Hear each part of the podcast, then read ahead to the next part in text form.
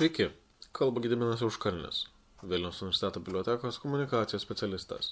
Šiandien papasakosiu apie Pranciškus Muglevičių ir jo ryšius su Roma, Lietuva ir Vilnius universiteto biblioteka.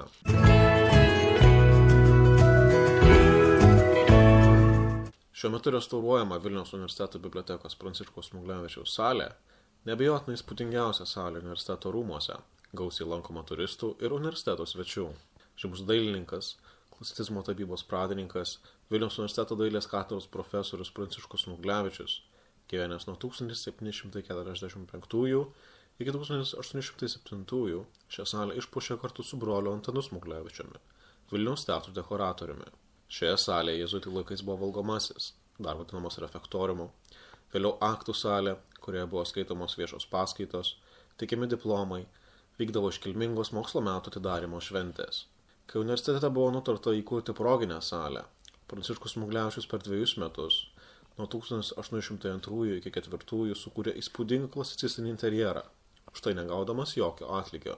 Už salės dekorą caras Aleksandras apdovanojo autorių aukso žiedų su deimantinė akimi. Amžininkai minė, jog salė buvusi nepaprastai puošni. Salės dekoras ir iškilaus menininko darbas buvo vertinamas, jo gėrimasi, o pagarba tapytojo talentui buvo deramai išreikšta netrukus po jo mirties. Nors ne visi amžininkai vienodai atsiliepė apie jo kūrybą Vilniuje, jo patirtis ir talentas buvo vertinami. Manoma, jog gyvenimo pabaigoje sveikata ėmė silpti, todėl kai kas kritikuodavo jo darbus dėl neišbaigtumo.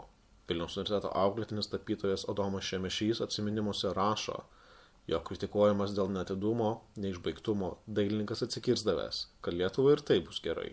Kad ir kaip nesmagu būtų tai girdėti, bet dailininkui tuo metu labai nesisekė. Jis buvo puolamas kritikų, silpo regėjimas. Teikta, jog savo geriausius darbus Pranciškus Muglevičius sukūrė Romoje. Nors Vilniuje dirbo ir gyveno nuo 1795 iki mirties 1807, dailininkas brandžiausius savo kūrybos metus praleido Italijoje.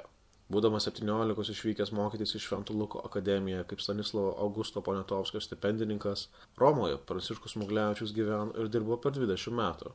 Amžininkai jį labai vertino, o jezuitas Kazimieras Kuknovickis savo 1783 metais išleistame vadove po Romą teigė, kad tik du žymus Lenkai sulaukė šlovės amžinajame mieste - baroko poetas Sarmatų Horacijus Motiejus Kazimieras Arbievijus ir Pranciškus Muglevičius, kurio tapybos menas ir graviūros žinomi visoje Romoje.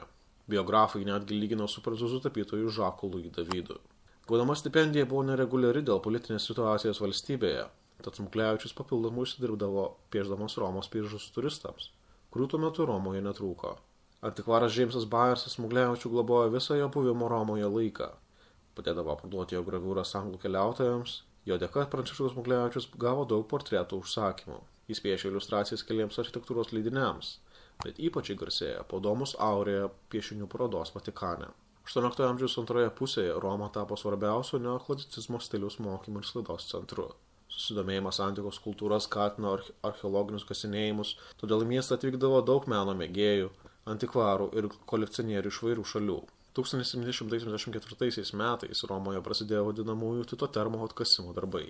Kaip paaiškėjo vėliau, tai buvo ne termos, o Nerono aukso namai, dar vadinami Domus Aurė. Kasinėjant buvo atidengtos jų sienos ir lubos, o perpiešti atsivėrusias freskas leidėjas Ludovikas Miris pakeitė Pranciškus Muglevičių. Piešiniai išražyti vario plokštelėse buvo atspūsti ir įrišti į albumą, pavadinimu Tito termų liekanos ir jų vidaus tapyba. Leidinys greitai tapo bibliografinė retinybė Lietuvoje.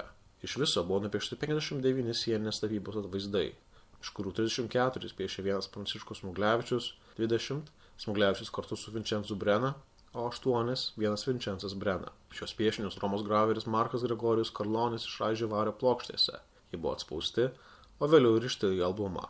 Nerono aukso damų freskos, kurias kopijavo Pranciškus Muglevičius, sulaukė didžiulio dėmesio ir įkvėpė ne vieną menininką. Šis albumas buvo naudojamas kaip naujosios klasicistinės ornamentikos traferetų rinkinys.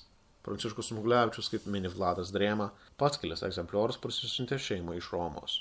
Vilniaus universiteto bibliotekos grafikos kolekcijoje galima iš arti apžiūrėti net 24 Marko Karlonio išražytus lakštus, iš kurių 23 išvesti žiedelė termedi Tito leidinio, o vienas netoli Romos esančios užmiščio vilos Vila Vadama, kurią taip pat piešė Pranciškus Muklevičius su Vincenzu Brena, o raižė Markas Karlonis. Šiemet tūkstančiams bibliotekos skaitmenintų dokumentų suteikiamas viešo naudojimo statusas.